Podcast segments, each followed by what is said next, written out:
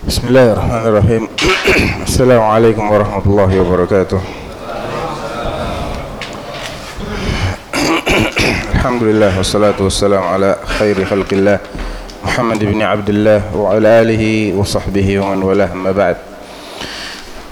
Kita lanjutkan murajaah kita Kitab Tauhid bab ke-22 ya. Tafadhal. Eh, yang membaca dapat pahala loh. Pahala kok tawar menawar. Gak usah pakai tawar menawar. Bismillah. Uh, Allahumma sholli ala Muhammad wa ala Muhammad. Alhamdulillah. Uh, qala mu'alif rahimahullahu taala uh, bab 22 upaya Nabi wasallam dalam menjaga kemurnian tauhid dan menutup segala jalan yang mengantarkan kepada syirik. Firman Allah Subhanahu wa taala yang artinya sungguh telah datang kepadamu seorang rasul dari kaummu sendiri. Berat terasa olehnya penderitaanmu, sangat menginginkan keimanan dan keselamatan bagimu. Amat belas kasihan lagi penyayang terhadap orang-orang mukmin. Baroah atau At-Taubah ayat 128. Taib. Uh, bab ini adalah bab tentang bagaimana Nabi Shallallahu Alaihi Wasallam berusaha semaksimal mungkin untuk memelihara kemurnian tauhid dan sebaliknya menutup rapat-rapat semua celah yang bisa menodai tauhid. Kemudian al-muallif Syekh Muhammad bin Abdul Wahab rahimahullah uh, membuat uh, mukaddimah sebelum menyebutkan dalil yang sifatnya spesifik beliau sebutkan dulu dalil yang melandasi kenapa kok Nabi itu benar-benar berusaha memurnikan tauhid dan menutup semua celah yang mengarah kepada syirik? Karena karakter bawaan Rasulullah itu adalah azizun alaihi ma'anittum beliau ini ikut merasakan berat penderitaan kalian. Harisun alaikum dan sangat berambisi menginginkan mengharapkan keimanan dan keselamatan kalian. Saking demikian antusiasnya Nabi SAW ingin menyelamatkan umatnya dan saking ikut berempatinya Rasulullah SAW terhadap nasib mereka maka Nabi berusaha memurnikan tauhid umatnya karena kalau sampai tauhidnya rusak celaka. Sudah kita bahas kan sebelumnya bahwa bab syirik itu apa? Zero tolerance. Tidak ada toleransi. Jangankan umat rasul-rasul aja nggak toleransi sama Allah. Oleh karena itu Nabi juga nggak menoleransi umatnya. Nggak akan dibuat nggak akan dibiarkan satu celah pun yang berpotensi mengarahkan kepada syirik kecuali beliau tutup rapat-rapat. Karena ini adalah bahaya paling besar. Melebihi bahaya radikalisme. Oh ya justru syirik itu radikalisme yang paling top. Ya. Sepakat nggak antum? Sepakat. Ya kalau nggak sepakat lama-lama sepakat insya Allah karena banyak subhat aja itu. Baik. lanjut. Uh, diriwayatkan dari Abu Hurairah radhiyallahu anhu Rasulullah Shallallahu alaihi wasallam bersabda yang artinya janganlah kamu jadikan rumah-rumah kamu sebagai kubur sebagai kuburan. Nah perhatikan pelan-pelan ya. Janganlah janganlah kamu kalian maksudnya kamu di sini menjadikan rumah-rumah kalian sebagai kuburan. Lanjut dan janganlah kamu jadikan kuburanku sebagai tempat perayaan. Jangan kamu jadikan kuburanku sebagai tempat perayaan. Tetapi tetapi ucapkanlah solawat untukku. Karena sesungguhnya ucapan solawatmu sampai kepadaku di mana pun kamu berada. Hmm. Sallu alaiya itu solawat untukku atau doa. Ya doakan kebaikan untukku. Maksud Nabi masih kurang kebaikan kok didoakan kebaikan mungkin anda berpikir seperti itu ya. Itu bentuk balas budi kita untuk Rasulullah SAW karena semua kebaikan yang kita ketahui itu melalui jasanya Rasulullah Shallallahu Alaihi Wasallam. Dan ketika kita bersolawat alias kita mendoakan kebaikan untuk Rasulullah Allah membalasnya dengan 10 kali kok. Nggak ada ruginya sama sekali. Kenapa kok rumah nggak boleh dijadikan sebagai kuburan. Apakah maksudnya kita nggak boleh ngubur di rumah? Salah satunya. Bisa jadi seperti itu tapi bukan itu sebetulnya. Jangan kalian jadikan rumah kalian sebagai kuburan itu maksudnya rumah tidak diisi dengan ibadah. Sebagaimana kuburan itu bukan tempat ibadah. Kalau kalian tidak pernah sholat tidak pernah tilawatul Quran di rumah itu rumah kalian jadi kayak kuburan. Artinya tempat yang tidak dijadikan sebagai tempat ibadah itulah ciri khas kuburan. Kalau kuburan dijadikan tempat ibadah kebalik. Itu nggak boleh ibadah di situ. Ya kecuali ibadah-ibadah memang khusus untuk di kuburan seperti ziaratul kubur. Antum masuk kuburan kan baca doa itu ibadah. Tapi memang kaitannya dengan kuburan. Kalau mau sholat mau ngaji mau doa secara umum sholat pakai rukuk dan sujud tempatnya bukan di kuburan tapi di rumah. Selain yang wajib tentunya ya. Wajib di masjid bagi laki-laki. Lebih afdal bagi wanita di rumahnya. Sholat sunnah mutlak di rumah lebih afdal kecuali yang memang dianjurkan secara berjamaah seperti sholat apa? Taraweh sholat istisqa ya. Sholat gerhana nah itu ya berjamaah di masjid. Selain itu sholat rawatib duha uh, qiyamul lail witir rumah lebih afdal. Biar rumah kalian tidak kayak kuburan itu loh maksudnya. Wala taj'alu qabri idan al-id itu adalah sesuatu yang di bulan baleni baik waktu maupun tempat. Bolak-balik melakukan sesuatu secara khusus pada hari tertentu berarti hari itu menjadi id bolak-balik melakukan sesuatu pada tempat tertentu secara khusus karena tempat itu bukan karena yang lain maka tempat itu juga menjadi id artinya wala taj'alu qabri dan jangan kalian itu sengaja ya berulang-ulang melakukan ziarah kubur kepadaku khusus kuburanku. Tidak ada tujuan lain sekedar ziarah kubur di bulan baleni. Jangan nanti kuburanku menjadi id nah, ada yaudu id kalau mau sholawat kepada Nabi tidak perlu datang ke kuburannya Nabi wasallu alaiya fa inna salatakum tablughuni haitsu kuntum. Karena Allah sudah memiliki malaikat-malaikat yang, yang ditugaskan untuk keliling-keliling menyampaikan doa umatnya kepada Rasulullah. Sudah ada. Kurirnya sudah ada. Kurir-kurir yang sangat cepat. Ya. Jadi nggak perlu eh nanti kalau umroh kirim salam sama Rasulullah. Nggak perlu. Sekarang kirim salam nyampe malaikat nyampe kan lebih cepat. Jadi kalau datangi kuburan Rasulullah sekedar untuk sholawat ya itu tidak tidak dianjurkan. Tapi kalau kebetulan pas sampai ke Madinah masuk Masjid Nabawi sudah sholat tahiyatul masjid atau sholat wajib di Masjid Nabawi silahkan berkunjung. Sekali berkunjung cukup biasanya sahabat itu ziarah kubur Rasulullah kalau datang dari luar. Dari luar kota masuk Madinah pertama kali sholat dulu. Bukan ziarah kubur dulu sholat dulu. Selesai sholat silahkan kalau mau ziarah. Tapi kalau tujuannya untuk sholawat saja tidak perlu harus ziarah. Di mana pun sholawatnya nyampe. Itu Rawahu Abu Dawud di isnadin Hasan wa ruwatuhu bahkan disohhikan di sini.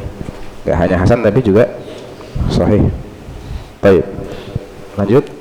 Dalam hadis lain Ali bin Al Husain radhiyallahu Ali bin Husain ini siapa? Ahlul bait. Zainal Abidin. Ali bin Husain bin Ali bin Abi Talib. Nah. Dia Men- melihat menuturkan bahwa ia melihat seseorang datang ke salah satu celah pada kuburan Nabi Shallallahu Alaihi Wasallam, lalu masuk ke dalamnya dan berdoa. Hmm, Maka beliau pun melarang orang itu dan berkata, Maukah kamu aku beritahu sebuah hadis yang aku dengar dari bapakku, dari kakekku? berarti dia dengar dari Husain bin Ali bin Abi Thalib dari kakeknya Ali bin Abi Thalib Qal katanya Beliau telah ber- eh, dari Rasulullah SAW ya Iya. Ah. beliau telah bersabda, Janganlah janganlah kamu jadikan kuburanku sebagai tempat perayaan dan janganlah kamu jadikan rumah-rumah kamu sebagai kuburan. Tapi ucapkanlah doa salam kepadaku karena sesungguhnya doa salammu sampai kepadaku di mana pun kamu berada. Hmm. Diriwayatkan dalam kitab Al-Mukhtarah. Ah, diriwayatkan dalam kitab Al-Mukhtarah itu Mukhtarahnya Abdiya Al-Maqdisi. Eh. Hadis ini oleh yang mentahkik kitab ini dinyatakan eh dhaif karena di situ ada perawi yaitu namanya Ja'far bin Ibrahim Al-Ja'fari. Tidak tahu ini derajatnya hafalannya bagus apa tidak bagus tidak diketahui. Demikian juga ada Ali bin Umar bin Al-Husain bin Ali bin Abi Talib. Si Ahlul Bait juga ya Ali bin Umar bin Husain bin Ali bin Abi Talib ini juga majhulul hal Taib. Di sini jelas bahwa eh, Ali ibn Husain Zainal Abidin yang notabene adalah ahlul bait melihat ada orang kok sengaja datangi kuburan Rasulullah masuk ke sebuah celah ke situ terus doa di situ. Kenapa kok doanya itu dilakukan di tempat itu? Ada apa? Kok harus begitu? Ada apa? Gitu loh. Nah, beliau memahami bahwa menyengaja milih kuburan sebagai tempat doa itu sama dengan menjadikan kuburan sebagai id. Tahu ya korelasinya? Makanya terus dalil yang diucapkan adalah la tattakhidhu qabri idan. Jangan kalian jadikan kuburan itu tempat yang bolak-balik kalian kunjungi dengan untuk doa. Walaupun doanya minta sama Allah itu aja jangan. Apalagi kalau minta sama yang dikubur. Apalagi kalau itu bukan kuburan nah Nabi. Eh dan orang ini zahirnya bukan orang yang datang dari jauh safar jauh-jauh untuk itu bukan mungkin orang setempat nggak perlu safar dia datang aja ke situ dilarang jangan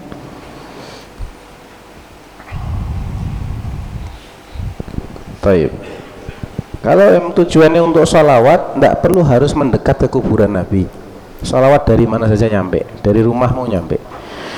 Fihi masail. Nah, Kandungan bab ini satu tafsir ayat dalam Baroah atau At-Taubah. Nah, jadi tafsir ayatnya tadi karena Rasulullah memiliki sikap yang sangat berambisi, berantusias umatnya supaya selamat bagaimana belas kasihnya luar biasa. Beliau kesian kalau sampai umatnya itu berbuat syirik, celaka dia dunia akhirat. Makanya beliau mati-matian membentengi umatnya dari syirik. Nah, yang kedua, Yang kedua, Rasulullah Shallallahu Alaihi Wasallam telah memperingatkan umatnya dan menjauhkan mereka sejauh-jauhnya dari syirik, serta beliau telah menutup setiap jalan yang menjurus kepada syirik. ya jelas itu. Nah, tiga, Ketiga, Rasulullah Shallallahu Alaihi Wasallam sangat menginginkan keimanan dan keselamatan kita dan amat belas kasihan lagi penyayang. Nah, sehingga eh, beliau juga tidak pernah merelakan kalau diri beliau itu diperlakukan dengan keliru. Baik saat hidup maupun setelah matinya. Ini kaitannya setelah setelah matinya. Jangan sampai kuburanku walaupun aku tahu kamu kalian demikian cinta kepadaku. Tapi tidak boleh kalau cintanya ini kebablasan. Ya. Karena emang umat-umat sebelumnya itu sesat celaka juga dengan cara yang sama. Wulu kepada orang-orang soleh. Nah orang paling soleh itu kan nabi ya gak? itu nah Yang keempat, Rasulullah melarang untuk menziarahi kuburannya dengan cara tertentu, yaitu dengan menjadikannya sebagai tempat perayaan atau Aid. Padahal ziarah ke kuburan beliau termasuk amalan yang amat baik.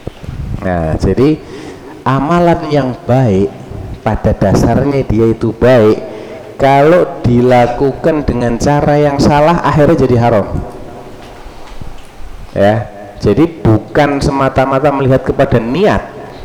Ya niat itu memang penting, tapi cara itu juga tidak kalah penting. Niat baik, caranya ngawur haram. Haram. Ya, di sini mereka niatnya baik eh, aku cinta sama Rasulullah mau sholawat masa tidak boleh bukan tidak boleh tak ada yang melarang tapi kalau caranya seperti itu itu nanti bahaya.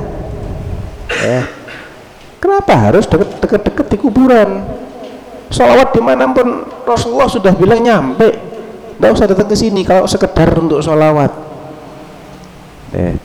walaupun ziaratul kubur secara umum itu afdalul amal karena dia yudzakirukumul akhirah. Bahkan tidak harus kuburan orang muslim yang diziarahi. Kuburan orang kafir pun juga seperti kisahnya Nabi ketika menziarahi kuburan ibunya. Ya kan? Fazurul kubur fa innaha tudzakirukum al akhirah kalau untuk doa tidak perlu menghususkan. Dari jauh-jauh uh, tujuannya adalah rehlah apa? Wisata religi. Mengunjungi kuburan nabi itu aja dilarang apalagi yang lain ya. nah Yang kelima, Rasulullah melarang untuk memperbanyak ziarah kubur. kebanyakan tidak boleh proporsional aja ya. nah Yang keenam, Rasulullah Shallallahu Alaihi Wasallam menganjurkan untuk melakukan sholat sunnah di rumah. ya biar tidak kayak kuburan rumahnya nah Yang ketujuh, telah menjadi ketetapan di kalangan kaum salaf bahwa menyampaikan sholawat untuk Nabi tidak perlu masuk di dalam kuburannya. enggak itu terjemahannya kurang pas. Bukan sholawat. Tidak boleh sholat di kuburan. Sholat pakai sujud dan ruku ya bukan menyolatkan jenazah loh ya. Karena menyolatkan jenazah itu bukan sholat dalam pengertian istilah tapi dia sholat dalam pengertian doa. Karena as-sholatu alal mayyit. Dari mana nih? Dari sana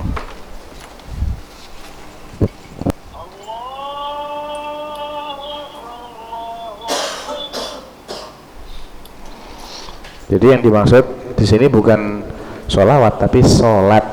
Mereka ini para salaf ini sudah mafhum, sudah faham semua bahwa kuburan itu bukan tempat untuk sholat. Yang pakai sujud dan dan ruku. Dari mana mafhum ini diambil? Ya dari hadis Nabi itu, la taj'alu buyutakum kuburo. Jangan kalian biarkan rumah kalian tuh kayak kuburan, tidak pernah dipakai untuk sholat di dalamnya karena kuburan itu bukan tempat sholat gitu loh kalau kalian tidak pernah sholat di rumah berarti kayak kuburan berarti memang kebiasaan mereka tidak ada yang sholat di paham tidak? siapa yang belum paham? kayaknya banyak ini tatapan mata yang hampa gitu Nabi bilang la taj'alu buyutakum kuburo jangan kalian jadikan rumah kalian itu seperti kuburan maksudnya tidak pernah dipakai sholat nah, kalau kuburan itu juga tempat yang biasa digunakan untuk sholat di masa itu berarti larangan ini tidak ada maknanya ya Loh, kita juga sholat di di kuburan kok dibilang rumah kita jangan kayak kuburan. Terus piye maksudnya? Gitu loh. Kuburan juga tempat sholat seandainya itu memang seperti itu. Berhubung kuburan itu di masa mereka sudah ma'ruf sudah eh, dikenal sebagai tempat yang tidak digunakan untuk sholat makanya kalian sholat tuh di rumah. Kalau enggak nanti rumahmu kayak kuburan gitu. Nah. Yang kedelapan, alasannya bahwa ucapan solawat dan salam dari seseorang untuk beliau akan sampai kepada beliau di mana pun ia berada. Maka tidak perlu harus mendekat sebagaimana diduga oleh orang yang menghendaki demikian. Baik. Eh, ini kaitan dengan sholawat. Sholawat itu adalah jenis doa, ya kan? Allahumma sholli itu kan permintaan kepada Allah. Sholawat itu adalah salah satu bentuk doa. Ya, sholat atau doa seseorang maupun ucapan salam yang akan dipanjatkan untuk Nabi itu akan nyampe tanpa dia harus mendatangi kuburan makanya kalian tidak usah datang jauh-jauh ke kuburanku hanya untuk mengucapkan sholawat ya, taib. Yang kesembilan, bahwa Nabi Shallallahu Alaihi Wasallam di alam barzah ditunjukkan kepada beliau amal umatnya yang berupa salawat dan salam untuknya. nah berikutnya bab ke-23 Bab 23, keterangan bahwa ada di kalangan umat ini yang menyembah berhala. Firman Allah Subhanahu wa taala yang artinya, "Apakah kamu tidak memperhatikan orang-orang yang diberi bagian dari Alkitab mereka percaya kepada jib dan togut dan mengatakan kepada orang-orang kafir, musyrik Makkah, bahwa mereka itu lebih benar jalannya dari orang-orang yang beriman.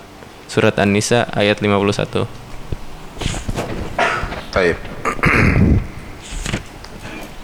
Eh, katakanlah, apakah akan aku beritakan kepadamu tentang orang-orang yang lebih buruk pembalasannya dari orang-orang fasik itu di sisi Allah, yaitu orang-orang yang dikutuki dan dimurkai Allah.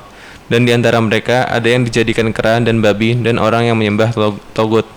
Surat Al-Maidah ayat 60. Ulaika syarrum makanan wa adallu an sawa'i sabil. Disebutkan di sini bab bahwa ada di antara umat ini yang akan menyembah berhala. Ya, berhala itu jangan diasumsikan harus berupa patung ya. Enggak.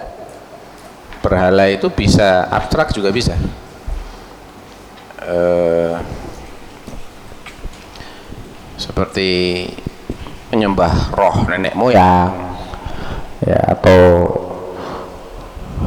sesuatu yang tidak kasat mata bisa jin termasuk ausan tidak harus berupa berhala. Dan umat di sini meliputi umat yang didakwahi oleh Nabi SAW baik yang sudah pernah masuk Islam maupun yang belum seperti ahlul kitab. Makanya pertama yang disebutkan adalah alam tara ilal ladzina utu nasiban minal kitab. Ketika engkau perhatikan betapa anehnya orang-orang yang sudah diberi bagian dari Alkitab eh mereka itu masih yu'minuna bil jibti wa tawud al jibt itu apa? sihir ya? Ada keterangan nggak? Sihir. Sihir. Nah, masih mempercayai sihir. Ada nggak di antara yang ngaku muslim percaya sama perdukunan? Banyak. Jadi ini adalah bukti bahwasanya memang ada di antara umatnya yang ngaku sebagai umatnya Rasulullah ini yang masih mengimani beragama dengan agama paganisme berhalaisme. Dan itu akan menjadikan mereka mendapatkan hukuman sebagaimana umat-umat sebelumnya. Percuma saja mereka ngaku-ngaku umatnya Rasulullah kalau cara beragama mereka masih seperti cara beragamanya kaum paganis kaum animis kaum dinamis. Karena alasan umat-umat sebelum kita itu dibinasakan disiksa oleh Allah sama alasannya. Makanya di sini Qul hal unabbi'ukum bi min dzalika mathubatan mathubatan indallah man la'anahu Allah dilaknati oleh Allah wa ghadiba alaih dimurkai wa ja'ala minhumul qiradata wal khanazir wa abadat taghut Ini kaitannya dengan orang-orang Yahudi. Cuman bedanya kalau umat kita ini eh, tidak langsung dikasih azab yang memusnahkan semuanya. Kalau umat-umat yang terdahulu sudah mentok didakwahi menolak terus turun azab dihabisi sama Allah. Kalau umat ini enggak. Baik, berikutnya. Berikutnya eh, orang-orang yang berkuasa eh, dalam surat Al-Kahfi ayat 21 orang-orang yang berkuasa atas urusan mereka berkata sesungguhnya kami akan beri- mendirikan sebuah rumah peribadatan di atasnya. Nanti insya Allah ini akan lebih jelas dengan masailnya ya dengan kesimpulan babnya. Lanjut aja dulu. Dari Abu Sa'id radhiyallahu anhu bahwa Rasulullah shallallahu alaihi wasallam bersabda sungguh kamu akan mengikuti dan meniru tradisi umat- umat-umat sebelum kamu bagaikan bulu anak panah yang serupa dengan bulu anak panah lainnya. Sampai kalaupun mereka masuk ke liang biawak niscaya kamu akan masuk ke dalamnya ke dalamnya pula. Para sahabat bertanya wahai Rasulullah orang-orang Yahudi dan Nasrani kah? Beliau menjawab lalu siapa lagi? Hadis riwayat Al Bukhari dan Muslim. Baik, jadi ini mulai menjelaskan bahwa umat ini akan mengikuti jejak langkah umat-umat sebelumnya. Umat sebelumnya itu sudah dapat Alkitab, sudah dapat wahyu, masih sesat juga, masih percaya juga pada perdukunan, pada sihir, ada yang nyembah tauhid. Umat ini juga pasti ada yang seperti itu. Ya. Baik. Lanjut. Muslim meriwayatkan dari Sauban radhiyallahu anhu bahwa Rasulullah shallallahu alaihi wasallam bersabda yang artinya Sesungguhnya Allah telah membentangkan bumi kepadaku sehingga aku dapat melihat belahan timur dan belahan baratnya. Dan sesungguhnya umatku kekuasaannya akan mencapai belahan bumi yang telah dibentangkan kepadaku itu. Dan aku diberi dua perbendaharaan simpanan, merah dan putih yaitu atau Imperium Persia dan Romawi. Aku meminta kepada Tuhanku untuk umatku agar mereka jangan dibinasakan dengan paceklik yang berkepanjangan dan jangan dikuasakan kepada musuh selain dari kaum mereka sendiri sehingga musuh itu nantinya akan merampas seluruh negeri mereka. Lalu Tuhanku berfirman, "Hai Muhammad, bila aku telah menetapkan sesuatu, maka ketetapan itu tidak akan diubah lagi. Dan sesungguhnya aku telah memberikan kepadamu untuk umatmu bahwa aku tidak akan membinasakan mereka dengan paceklik yang berkepanjangan dan tidak akan menjadikan seorang musuh berkuasa atas mereka selain dari kaum mereka sendiri, sehingga nantinya musuh itu akan dapat merampas seluruh negeri mereka sekalipun manusia yang ada di dalam belahan bumi berkumpul menghadapi mereka. Sampai umatmu itu sendiri, sebagian mereka menghan- menghancurkan sebagian yang lain, dan sebagian mereka menawan sebagian yang lain. Hmm. Baik. Hadis ini di- diriwayatkan pula oleh Al-Barqani dalam sahihnya dengan tambahan dan yang aku khawatirkan terhadap umatku tiada lain adalah para pemimpin yang menyesatkan. Dan apabila pertumpahan darah telah menimpa umatku, maka tidak akan berakhir sampai hari kiamat. Kiamat tidak akan terjadi sebelum ada suatu kaum dari umatku mengikuti orang-orang musyrik. Ya, Dan syahidnya di sini ya. Hmm. Ada suatu kaum dari umatku yang mengikuti orang-orang musyrik terus. dan beberapa kelompok dari umatku menyembah berhala. Hmm. Dan sesungguhnya akan ada di antara umatku 30 pendusta yang semuanya mengaku sebagai nabi. Padahal aku adalah penutup para nabi. Tidak ada nabi lagi sesudahku. Sungguh pun demikian, akan tetap ada dari umatku segolongan yang tegak membela al-haq dan mendapat pertolongan dari Allah. Mereka tidak tergoyahkan oleh orang-orang yang menghinakan mereka sampai datang kepu- keputusan Allah tabaraka wa taala. Hmm. Baik, ini jadi eh, bagian inti yang berkaitan dengan judul babnya ada pada tambahannya Al-Barqani. Adapun dalam teks hadis sahih Muslimnya tidak secara tegas menyebutkan hal itu. Artinya tentang adanya umat beliau yang kembali nyembah berhala itu nggak disebutkan dalam teks hadis riwayat Muslim tapi ada dalam tambahannya Al-Barqani. Dan itu juga sahih, tambahan itu juga sahih. Diriwayatkan oleh Imam Ahmad, Abu Dawud dan yang lainnya. Uh, ada masail di sini beberapa kandungan bab yaitu yang pertama tentang tafsir ayat di surah An-Nisa Alam ta'il ladzina utu minal kitab yang sudah kita bahas terus tafsir ayat Al-Maidah dan tafsir ayat di surat Al-Kahf. Qala alladzina ghalabu ala amrihim. Ini kaitannya dengan para pemuda Ashabul Kahf setelah mereka mati. Uh, oleh penguasa setempat unattakhidhanna alaihim masjidah kami akan jadikan kuburan mereka sebagai tempat ibadah.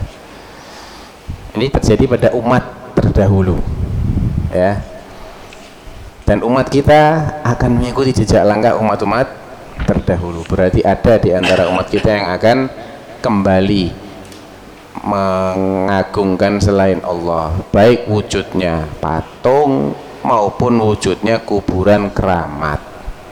Walaupun betul yang menghuni kuburan itu orang soleh tapi itu tidak berarti tindakan mengeramatkan kuburan itu dibenarkan dan itu justru membuktikan kebenaran hadis Nabi. Umatku ini akan kembali nyembah berhala betul. Dahulu mereka orang-orang ahlul kitab dilaknat oleh Nabi. Beberapa kali di akhir hayat beliau sampai di titik terakhir beliau melaknat itu gara-gara mereka ngeramatkan kuburan maka umat ini pun harus waspada terhadap tindakan serupa Rabi'ah yang keempat yang keempat masalah penting sekali yaitu apa pengertian iman kepada jib dan togut di sini apakah sekedar percaya dalam hati atau mengikuti orang-orangnya sekalipun membenci barang-barang tersebut dan mengerti akan kebatilannya. Hmm. Jadi uh, kaitan alam tara ilal ladzina utu nasiban minal kitabi yu'minuna bil jibti wat taghut wa yaquluna lil ladzina kafaru. Wa yaquluna lil ladzina kafaru. Haula'i ahda minal amanu sabila. Kaitannya orang-orang Yahudi itu diberi Alkitab kan sama Allah. Tahu agama yang dibawa oleh Rasulullah adalah agama tauhid. Tapi mereka bilang kepada orang-orang musyrik penyembah berhala antum ini jalannya lebih lurus daripada jalannya Muhammad dan teman-temannya itu. Walaupun orang-orang ahlul kitab ini tahu secara batin ya mereka tidak meyakini kebenaran apa yang mereka ucapkan itu. Mereka tahu. Tapi saking bencinya dia kepada dakwahnya Rasulullah musuh kebenaran mereka anggap lebih benar daripada pembawa kebenaran. Muafakoh. Menunjukkan persetujuan terhadap orang-orang penjajah kebatilan itu adalah bentuk mengimani tawud. Ini penting banget. Kenapa ayat ini disebutkan oleh al-muallif? Karena kaitannya erat dengan bahwa sikap itu tidak kalah penting dengan keyakinan walaupun tidak meyakini secara batin tapi kalau dia menampakkan persetujuan dia padahal nggak ada yang maksa loh. Kalau dipaksa itu lain. Ini atas pilihan dia sendiri tidak ada yang nyuruh dia mengatakan begitu nggak ada yang maksa dia dia mengatakan loh mereka itu juga benar. Ya. Nah itu itu berarti terkena ayat ini apakah cukup? Apakah harus dibarengi dengan iktikat dalam hati atau sekedar menyetujui para pengikut kebatilan? Walaupun dia membenci kebatilan dan juga mengenalinya sebagai kebatilan. Nah ini yang harus diwaspadai. Zahir daripada ayat itu mengatakan keben, eh, sikap pro-nya orang-orang Yahudi atau pembelaannya orang-orang Yahudi kepada orang-orang musyrik itu bukan dibarengi dengan keyakinan bahwasanya orang musyrik itu memang lebih lurus. Tidak. Ya. Tidak lebih lurus. Mereka tahu mereka dikasih tahu. Alkitabnya mereka tidak bilang begitu kok. Nah, taib. Yang kelima. Yang kelima uh, sebagai buktinya apa yang dikatakan oleh ahli kitab kepada orang-orang kafir kaum musyrikin Makkah bahwa mereka lebih benar jalannya daripada orang-orang yang beriman Ya. Yang keenam, bahwa iman kepada jib dan togut mesti akan terjadi di kalangan umat ini, umat Islam, sebagaimana ditetapkan dalam hadis dari Abu Sa'ad. Dan inilah yang dimaksud dalam bab ini. Ya, dan eh, apa-apa yang diramalkan oleh Nabi kemudian terjadi itu tujuannya untuk diwaspadai kalau itu sesuatu yang buruk. Ya.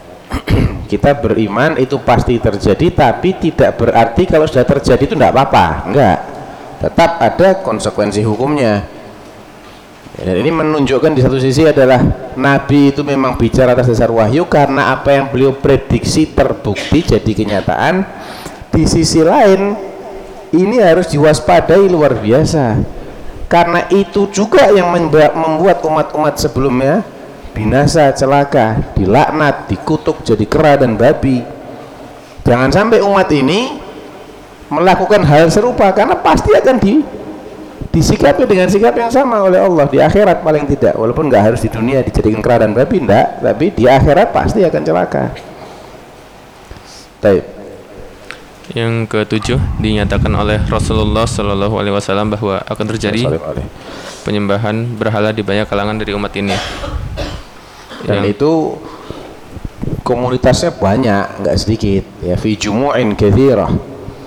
Ya nggak sedikit yang begitu. Fi'am fi'am itu isyaratnya adalah kelompok-kelompok penyembah berhala.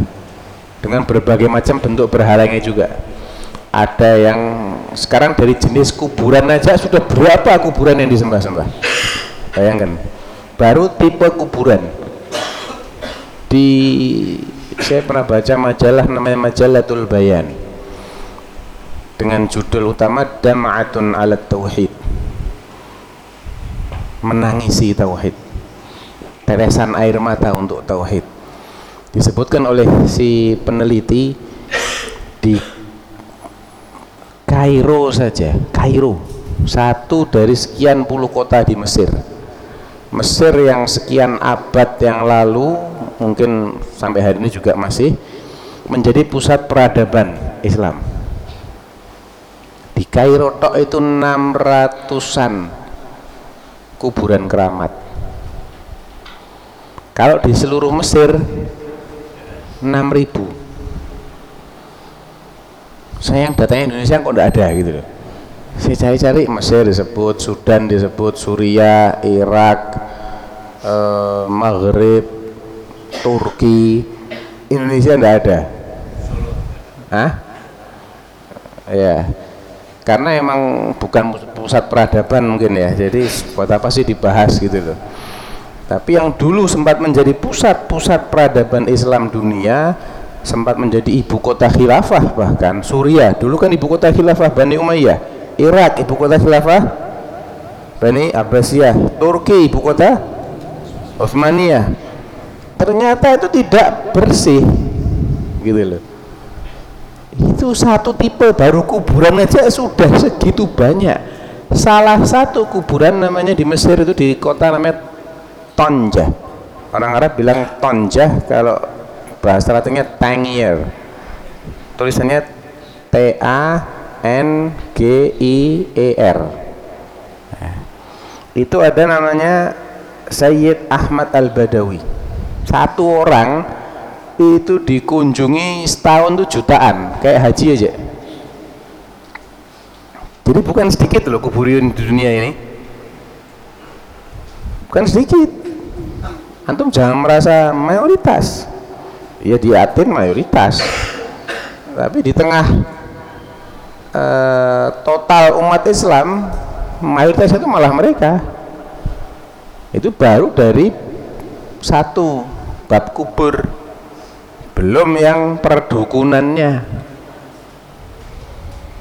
Belum yang lain-lain. Jadi eh, benar Nabi itu bilang fi'am min ummati. Taib. Delapan yang kedelapan hal yang amat mengherankan. Yang aneh bin aib al ajabul ujab yang aneh bin ajaib. Bahasanya mungkin gitu ya. Yaitu? Yaitu munculnya orang yang mengaku nabi seperti al mukhtar hmm. Padahal dia mengucapkan dua kalimat syahadat menyatakan bahwa dirinya termasuk dalam umat ini, Hmm. bahwa Rasulullah benar dan bahwa Al-Quran benar. Padahal disebutkan dalam Al-Quran bahwa Muhammad adalah penutup para nabi. Hmm. Namun demikian, pengakuan kenabian Al-Mukhtar dipercayai orang, dipercayai orang, meskipun jelas kontradiksinya. Ia muncul pada akhir masa sahabat dan diikuti oleh banyak orang. Hmm. Baik, adzan dulu aja. Adzan dulu.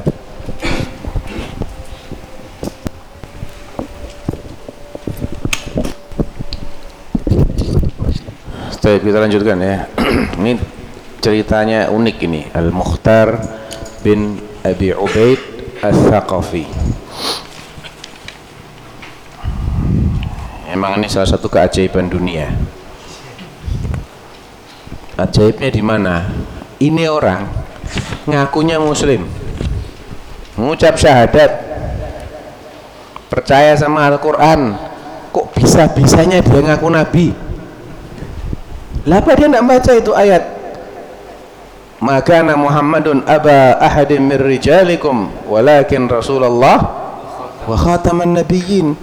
Bagaimana dia bisa mengumpulkan antara asyhadu anna Muhammad dan Rasulullah dengan anak juga nabi loh.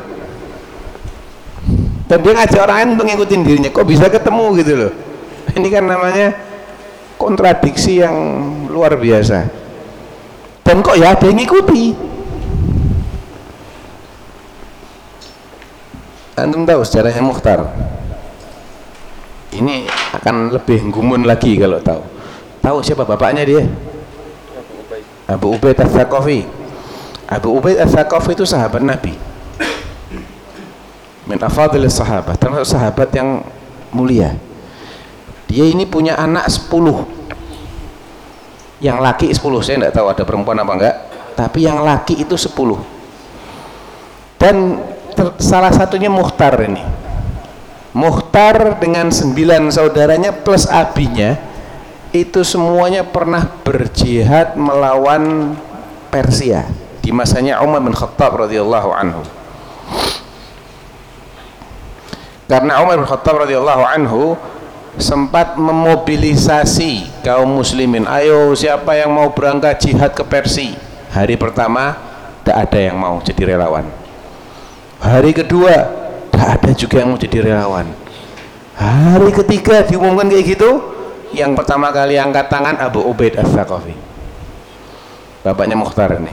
Akhir diangkatlah dia sebagai komandan. Baru setelah ini me- mendaftarkan dirinya yang lain ikut. Abu Ubaid ini seorang yang syuja gagah berani dia. Saking beraninya dia ini mati syahid dan kesembilan putranya mati syahid. Yang selamat yang paling celaka di antara mereka.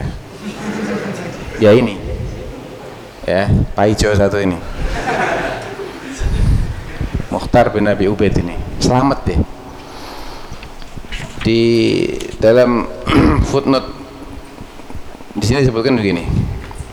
Mukhtar ini dulu termasuk yang membelot terhadap Al Husain bin Ali. Ya, berkhianat dia main ahli Irak warga Irak. Warga Irak kan ngundang nih ngirimin surat ayo ente fondol ke sini cepet kita mau bayat antum. Ya sampai di sana khianat. Ini salah satunya Mukhtar. Setelah dia berkhianat dia berpihak kepada Ibnu Zubair di Mekah.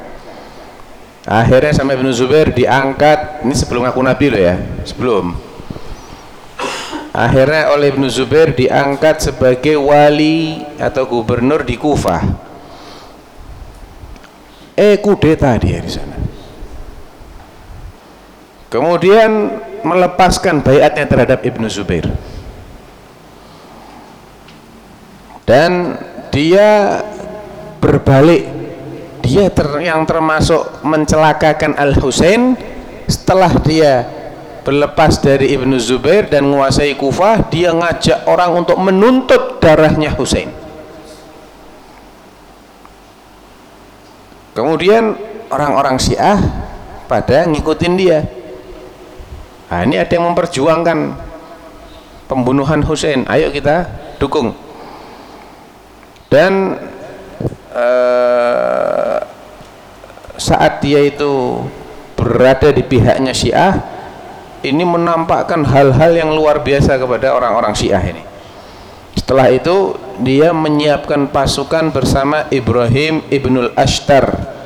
Ibrahim ibnul Ashtar ini termasuk yang membelot terhadap Ali bin Abi Thalib. Dia menyiapkan pasukannya itu atau mungkin pendukungnya Ali ya pendukungnya Ali. Ha, afwan jadi dia bersama Ibrahim bin Ashtar dengan pasukannya memberontak terhadap Ubaidullah bin Ziyad. Ubaidullah bin Ziyad ini yang dulu sempat membunuh Hussein bin Ali. Karena yang tujuannya apa tadi? Balas dendam ya. Balas dendam. Dan berhasil menewaskan Ubaidullah bin Ziyad pada tahun 65 Hijriah. Setelah itu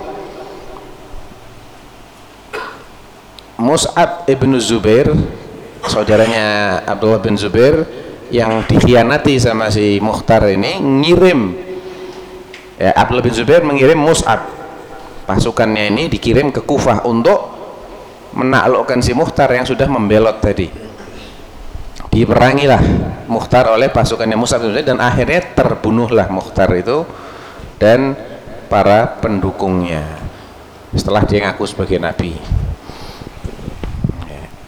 terus katanya Ibnu Kutaybah Abdullah bin Muslim bin Kutaybah yang wafat tahun 281 Masehi uh, Hijriah kalau nggak salah. Dia bilang apa? Wannasu asrabu tairin. Manusia itu seperti kawanan burung. Pernah lihat sekawanan burung merpati? Satu mabur yang lain gitu ya. Asrabu tairin. Yatba'u ba'duha ba'dan siapa yang mabur enggak tahu. Pokoknya mabur kita ikut mabur. Satu sama lain saling saling ikuti. Walau zahara lahum man yadda'in nubuwah.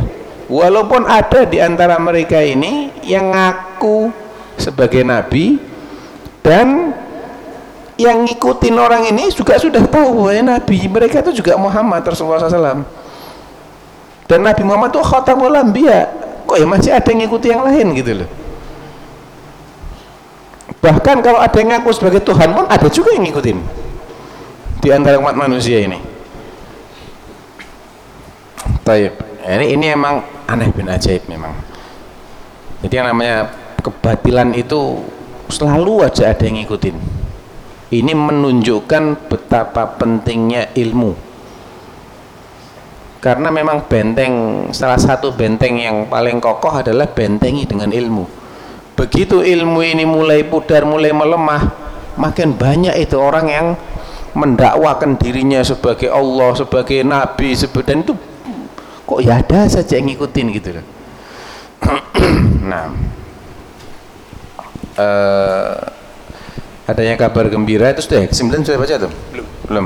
Baca yang sembilan? Yang ke sembilan Rasulullah Shallallahu Alaihi Wasallam menyampaikan kabar gembira bahwa al-haq kebenaran Allah dan ajarannya tidak akan dapat dilenyapkan sama sekali hmm. sebagaimana telah terjadi pada masa lalu. Bahkan akan tetap ada golongan yang tetap berpegang teguh dan membelanya. Ya jadi ini juga kabar gembira. Kita nggak perlu pesimis nggak perlu cemas. Kebenaran itu tidak akan padam total tidak mungkin. Selalu ada yang memperjuangkan.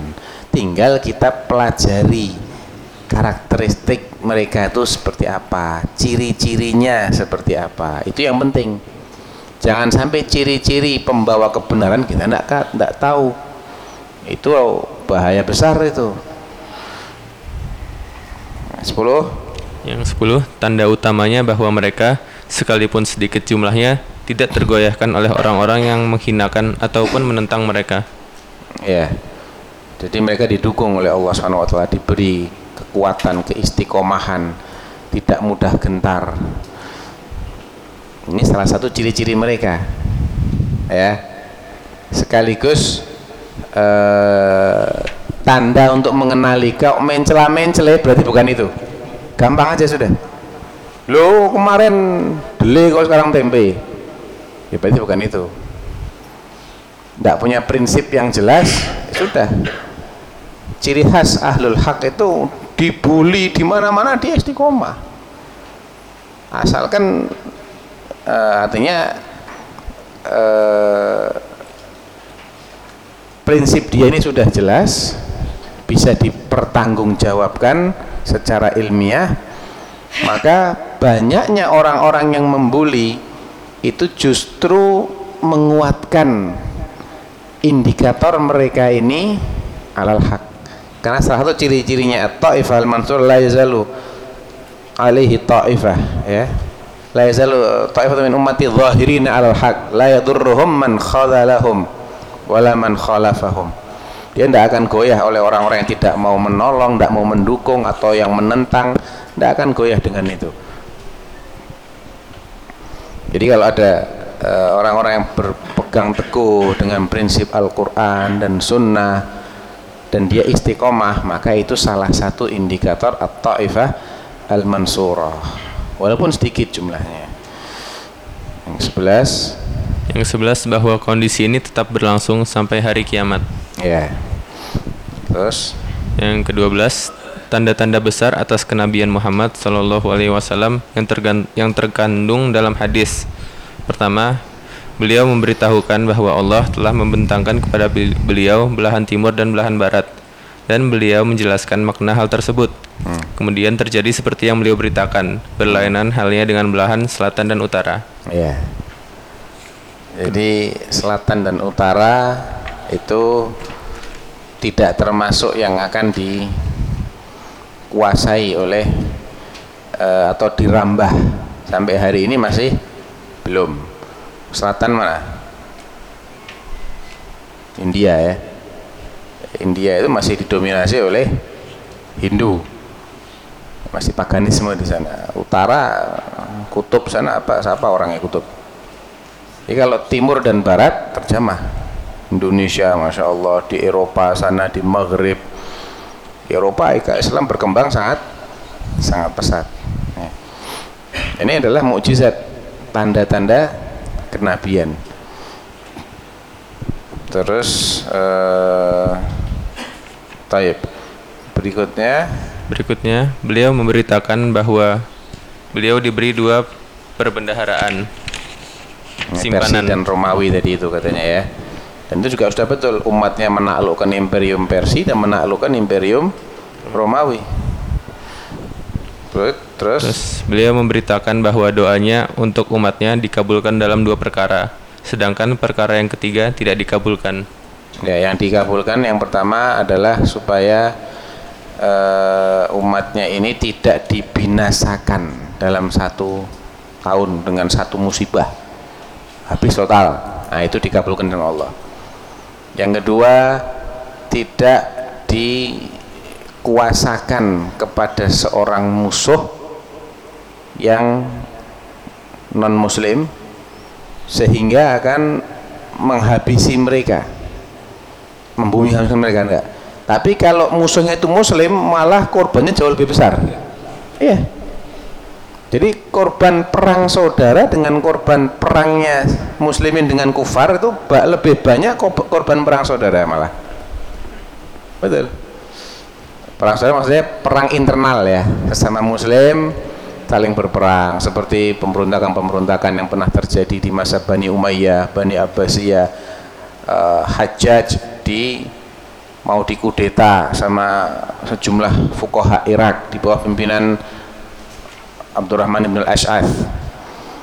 Akhirnya nggak berhasil. Hasilnya apa?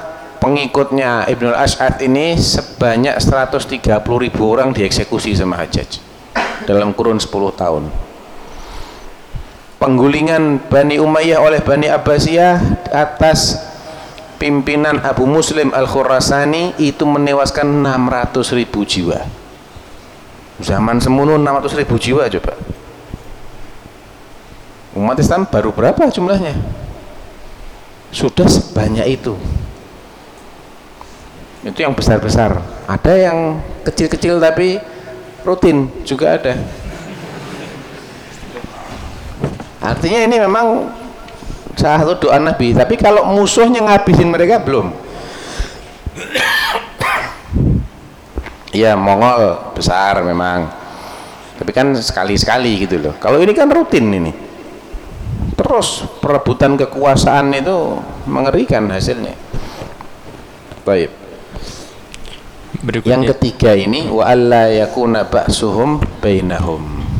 Supaya mereka tidak saling berantem itu nggak dikabulkan sama Allah.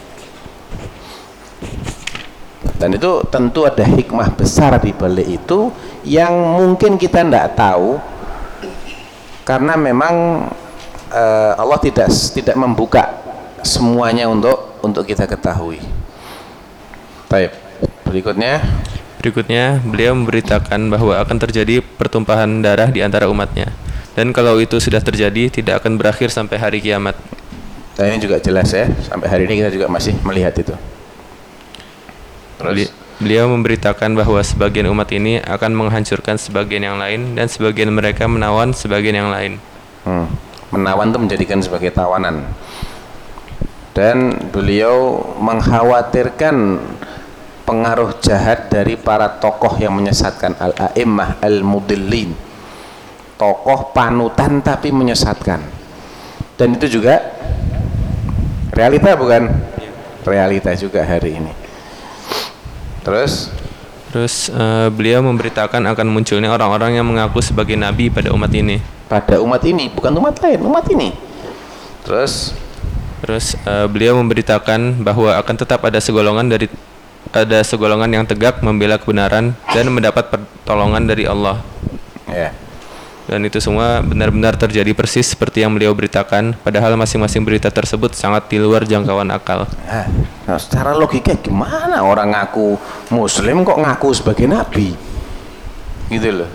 Secara logika kok jauh banget gitu loh antara kon statement dia muslim dengan dakwaan dia anak juga nabi ini kan tidak ketemu gitu loh harusnya.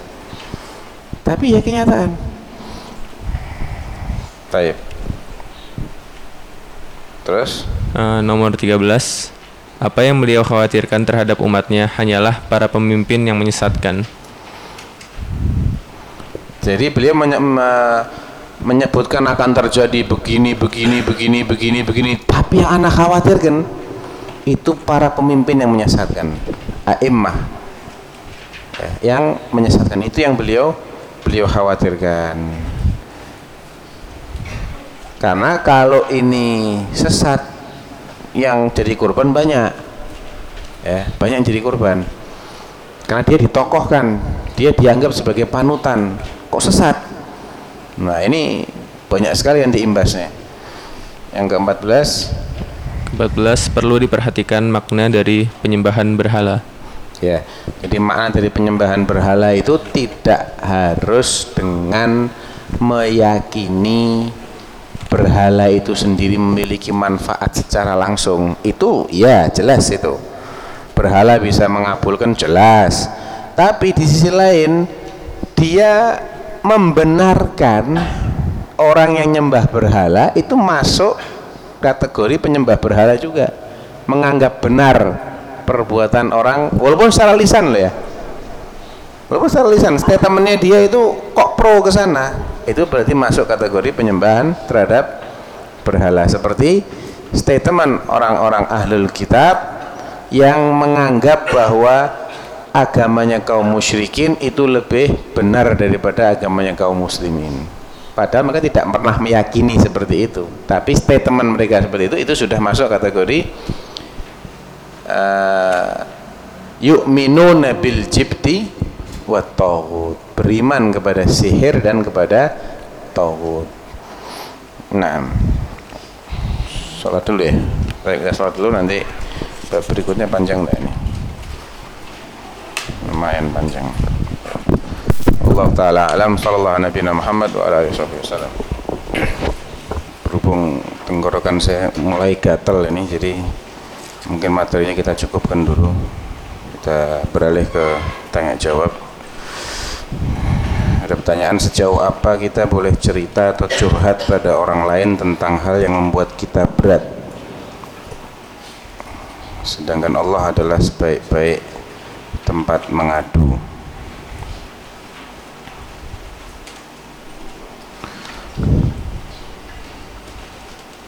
Saya tidak bisa jelaskan batasannya secara tegas ya. Mana yang boleh mana yang nggak boleh tapi secara umum kalau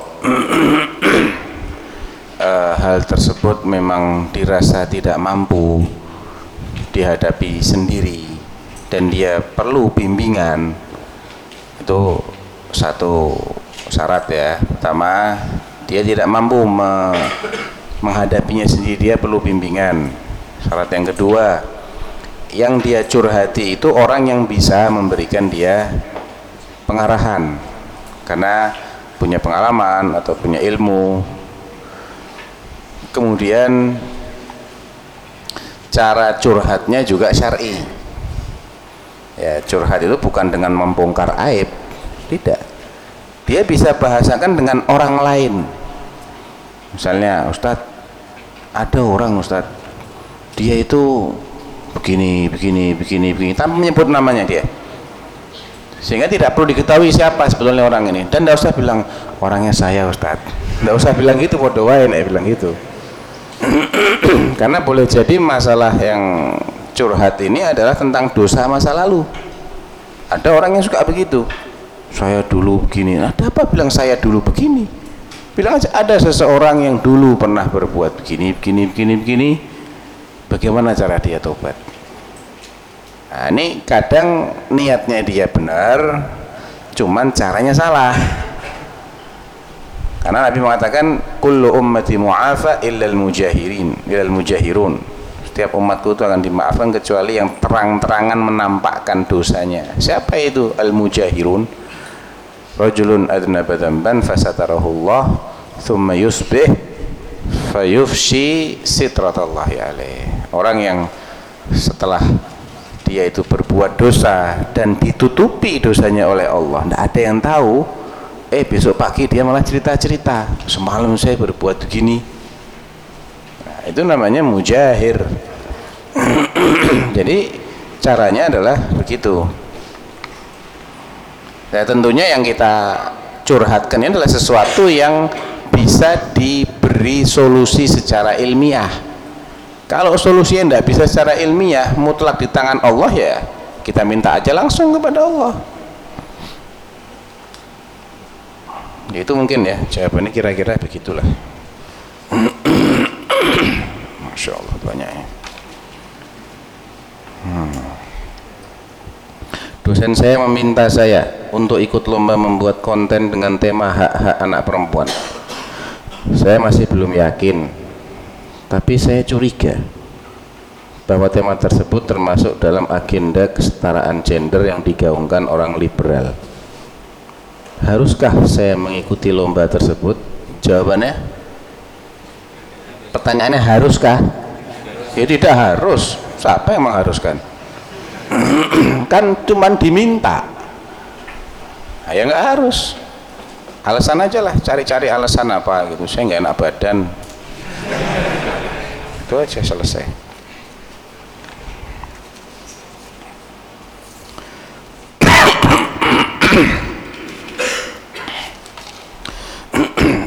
Saya bekerja di kantor notaris. Bos saya ini seorang Nasrani. Dia sering memberi karyawan-karyawannya makan siang. Suatu saat saya suatu saat saya diberitahu salah satu karyawan yang lebih senior bahwa bos saya ini suka makan babi. Bagaimana hukumnya jika saya memakan makanan yang diberikan oleh bos saya ini? Ya makanannya apa dulu? Nek babi yo jangan.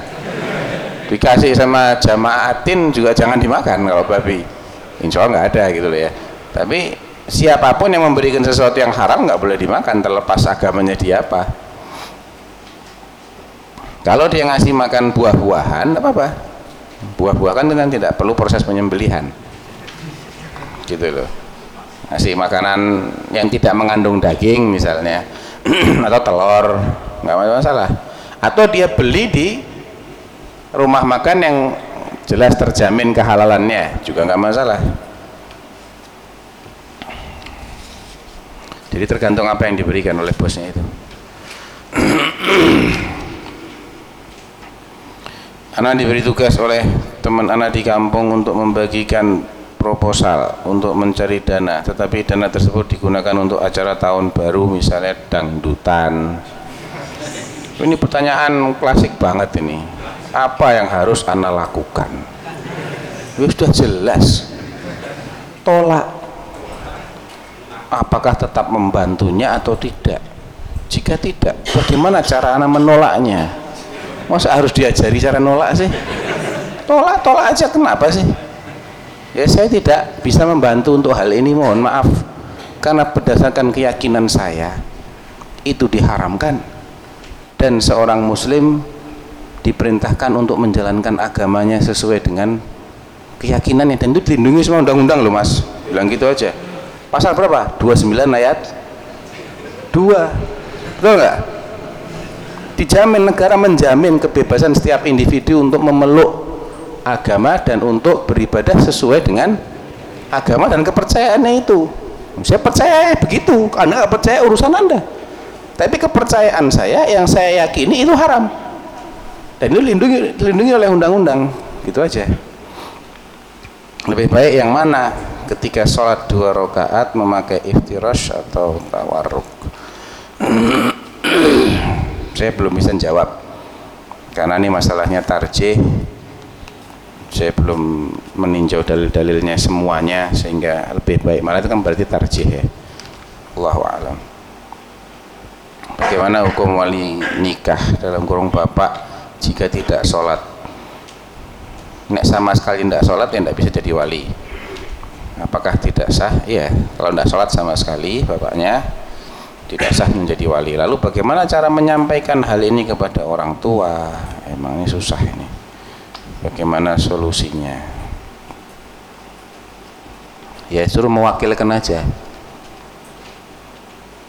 Ya disuruh mewakilkan kepada saudaranya. Kalau dia punya saudara yang sholat yang baik Islamnya suruh bapaknya mewakilkan. Bapaknya hadir Enggak sebetulnya bukan mewakilkan ya karena dia tidak punya wewenang. Pak ya biar fulan saja yang menikahkan. Begitu. Bapak hadir monggo tapi walinya si fulan. Bagaimana solusinya? Ya begitu aja. Emang kadang emang harus terus terang. Apabila tidak sah seandainya sampai hari H tidak sholat apakah boleh menjadikan paman dari bapak sebagai wali nikah meskipun masih mempunyai kakak kandung laki-laki. Hmm, paman ya.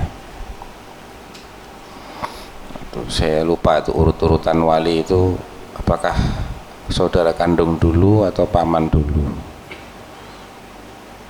Tapi secara kekerabatan saudara itu lebih dekat ke si mempelai daripada pamannya. Allahu alam. Tidak tahu Bagaimana sikap kita saat dihadapkan dengan sumpah profesi atau jabatan? Tetap melafatkan sumpah secara serempak dengan mengucapkan juga insya Allah Atau lebih baik diam saja Sedangkan dalam isi lafadznya terdapat kata-kata bersumpah demi Allah. Sesuai undang-undang yang berlaku dan untuk menjunjung nilai-nilai Pancasila dan UUD 45 dalam kurung dalam menjalankan tugas-tugas profesi. Serta ada juga akan menghargai adat dan budaya setempat.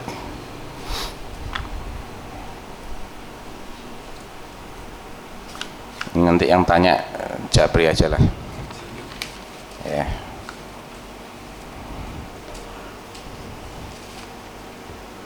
Benarkah apabila di kitab Tauhid Syekh Muhammad bin Abdul Wahab terdapat banyak hadis doif? Kalau banyak itu tidak benar. Ada, ya. Kalau banyak, enggak. Dan sejauh manakah kita dapat mengamalkan hadis baik yang doif atau hasan dan lainnya. Jadi ini pembahasan tentang uh, pertama bagaimana kita menyikapi hadis doif. Kalau memang betul itu doif. Sebetulnya doif itu apa sih? Ya lemah. Jadi maknanya bagaimana? Ketika sebuah hadis dikatakan ini hadisnya doif itu jangan difahami bahwa hadis ini batil. Beda lagi itu. Kalau batil itu jelas tidak mungkin benar. Itu namanya batil. Tapi kalau hadis doif itu ada kemungkinan dia benar tapi lebih lemah. Jadi misalnya sebuah kata-kata melalui rangkaian orang-orang fulan dengar dari fulan, fulan dari gurunya, dari gurunya sampai Rasulullah. Jadi kata-kata ini disandarkan kepada Rasulullah Shallallahu Alaihi Wasallam. Kalau dinyatakan ini sanatnya doif, berarti kemungkinan bahwa itu benar-benar sabda Rasulullah di bawah 50%. Ada kemungkinan tapi di bawah 50% berarti bukan pasti salah bukan ya nah yang ditemukan dalam kitab Tauhid itu memang ada sebagian hadisnya doif memang. Bahkan ada yang berat doifnya sampai ada perawi yang pendusta. Ada satu kalau nggak salah bagian akhir banget itu. Yusuf ibnul Ala kalau nggak salah perawi yang kazab itu.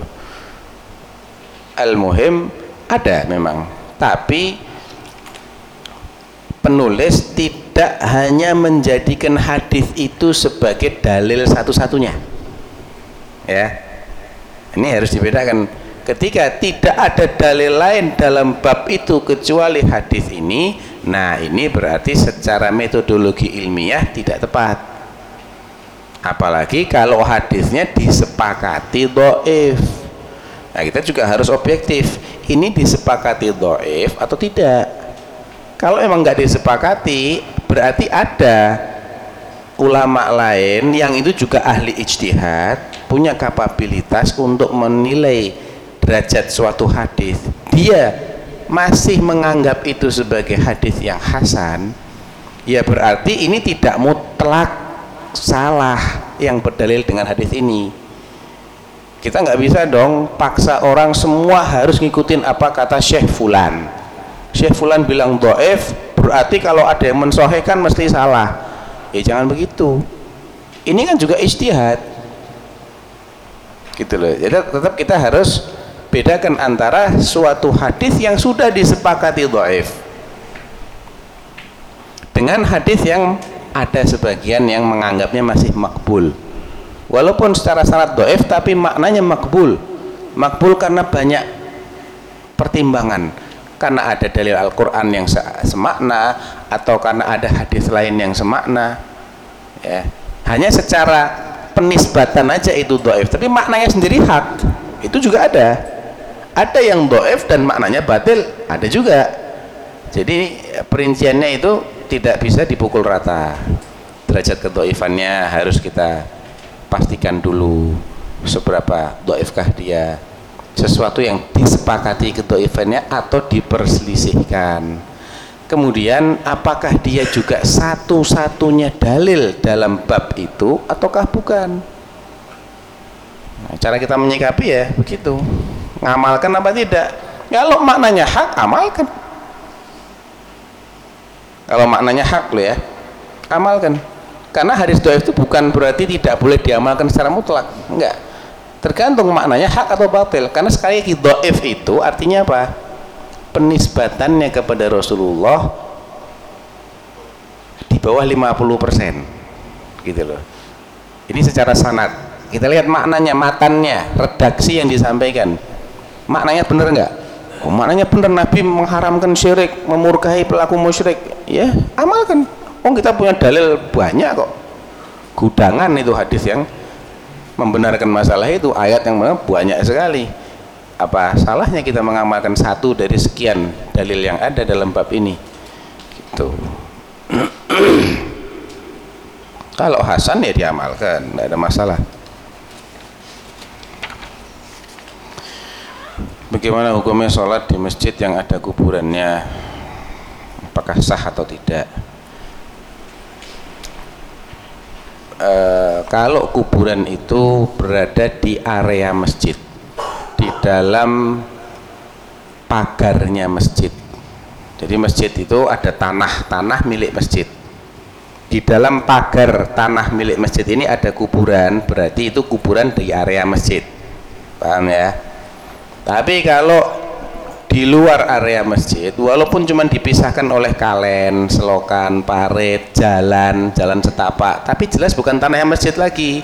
Berarti ini lain masalahnya. Yang ditanyakan di sini sholat di masjid yang ada kuburannya baik di dalam bangunan masjidnya maupun di sekelilingnya dan masih masuk area masjid.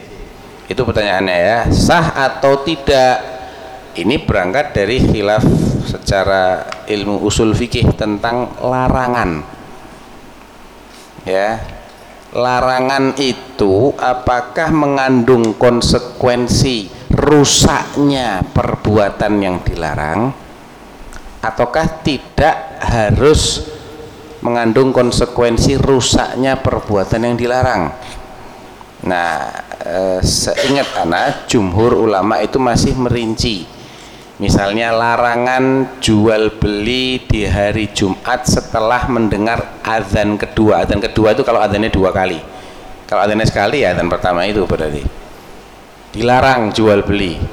Nah dilarang ini kalau nekat jual beli sah apa enggak jual belinya? Kalau dosanya jelas sepakat dosa dilarang dosa jelas. Tapi jual belinya kalau nekat ini sah apa enggak madhab hambali punya kaidah an-nahyu yaqtadil fasad. Larangan itu konsekuensinya berarti yang dilaku yang dilarang itu kalau nekat dilakukan rusak dia. Tidak sah. Ya fasid itu lawan dari sahih. Ya. sehingga kalau itu dianggap fasid tidak memiliki konsekuensi yang terjadi di balik suatu akad jual beli yang sah. Jual beli yang sah itu konsekuensinya apa? Pindah kepemilikan untuk selamanya. Menjual barang dengan harga sekian. Tadinya barang milik penjual berpindah menjadi milik pembeli. Duitnya pembeli pindah menjadi milik penjual. Itu namanya jual beli yang sah. Kalau jual belinya dianggap fasid, rusak, berarti barangnya tidak pindah tangan duitnya juga tidak pindah tangan saya kasih contoh uh, selain sholat dulu biar bisa dipahami. Nah jumhur bilang nggak bisa begitu. Kalau yang dilarang itu berkaitan langsung dengan inti ibadah dengan hakikat ibadah ya kita setuju. Berarti larangannya akan merusak ibadah itu tapi kalau larangannya tidak langsung berkaitan dengan ibadah ya dia tidak merusak. Dia hanya menodai kesempurnaan. Ada dosa tapi tidak tidak dianggap batal. Jual belinya batal nih. Tidak sah cuman dosa. Contoh lain wudhu pakai air colongan. Misal mau sholat di masjid pas tidak ada air. Waduh sebelah ada toko. Yang nunggu lagi tidur ambil aqua misalnya satu botol. Bismillah wudhu. Sholat. Wudhu pakai air colongan. Wudhunya sah enggak jumhur sah. Mata hambali? Enggak sah Jumhur bilang lah air itu kan dapatnya dari mana kan? Bukan menjadi syarat intinya wudhu. Yang penting airnya suci dan menyucikan. Itu aja. Aqua suci dan menyucikan. Dia dapat dari mana? Itu tidak menjadi tidak ada hubungan langsung di sini. Nah, tapi ya, pokoknya dilarang ya tidak boleh. Itu. Nah kaitannya dengan sholat.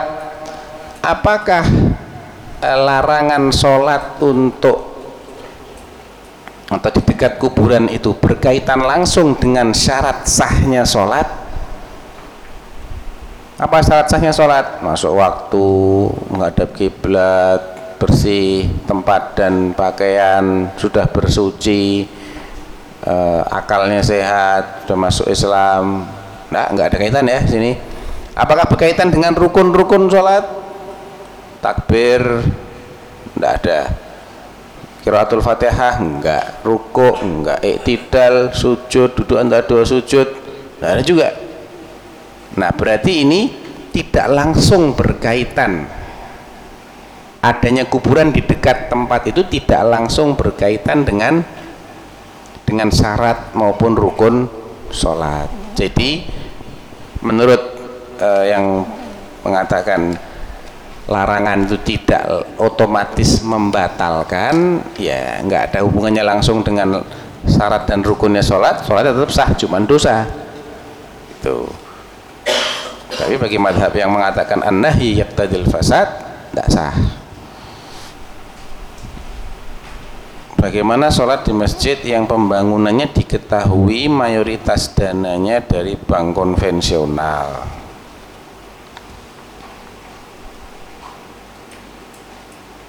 ya sebaiknya jangan. Kalau sudah tahu jangan.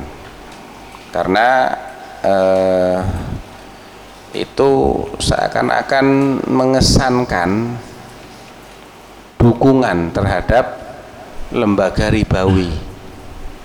Ini loh duitmu di masjid masjidnya ya makmur. Rame buat kajian juga itu akan memberikan dukungan bagi lembaga-lembaga ribawi tadi untuk terus beroperasi. Dan nanti kalau antum bicara tentang riba haram lagi masjid dari uang riba. Nah, susah kan akhirnya. Jadi ya sikap kita ini harus harus sinkron juga dengan apa yang kita yakini. Tuh ini kan diketahui mayoritas dananya dari situ kalau sebagian kecil itu beda. Karena hukum itu mengikuti yang mendominasi. Ya ini pembangunan masjid 10 miliar 100 juta dari riba itu kecil. Ya. Ini kalau 6 miliarnya 5 miliar lebih dari uang riba ini mayoritas berarti. Orang musyrik aja nggak mau loh kayak gitu. Orang musyrik itu ketika Ka'bah sempat uh, rusak di zaman mereka mau direnov itu mereka melarang renov pakai uang riba. Enggak yang halal-halal aja ini buat bangun masjid kok. Orang musyrik aja masih kayak gitu. Akhirnya enggak enggak tuntas bangunannya karena duit halalnya dikit. Mayoritas mereka adalah rentenir. Rentenir juga berlipat ganda. Karena uangnya enggak cukup akhirnya sebagian hanya separuh. Yaitu yang dikenal dengan bangunan al-hijr. Hijr atau hijr Ismail. Bukan ada hubungannya dengan Nabi Ismail. Hijr aja itu itu nggak tuntas karena kekurangan nafkah sebagaimana dalam hadis yang sahih. Jadi apalagi kita janganlah. Masjid yang lain kan masih banyak. Apakah hukum mengikuti giveaway di Instagram? Maksudnya apa giveaway itu? Hah? B